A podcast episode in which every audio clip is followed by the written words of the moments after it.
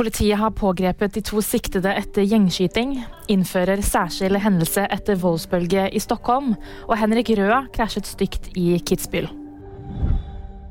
Politiet har pågrepet de to siktede etter gjengskytingen i Oslo. De to siktede ble pågrepet av italiensk politi i Milano i morgentimene fredag. Totalt tre menn har vært siktet for drapsforsøk eller medvirkning til drapsforsøk etter skyteepisoden ved Nationaltheatret natt til søndag. En av dem ble løslatt igjen tirsdag og er ikke lenger siktet i saken. Svensk politi har innført såkalt særskilt hendelse etter voldsbølgen i Stockholm de siste ukene. Politiet i Sverige kan innføre særskilt hendelse når det oppstår en plutselig, uforutsett eller planlagt hendelse der ordinære politistyrker ikke strekker til.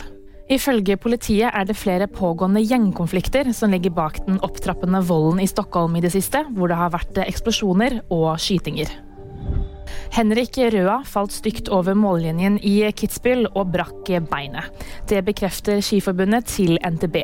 Ifølge NRK var helsepersonell raskt på stedet, og Røa ble fløyet til sykehus med ambulansehelikopter. VG-nyheter fikk du av meg, Anna Julie Bergesen.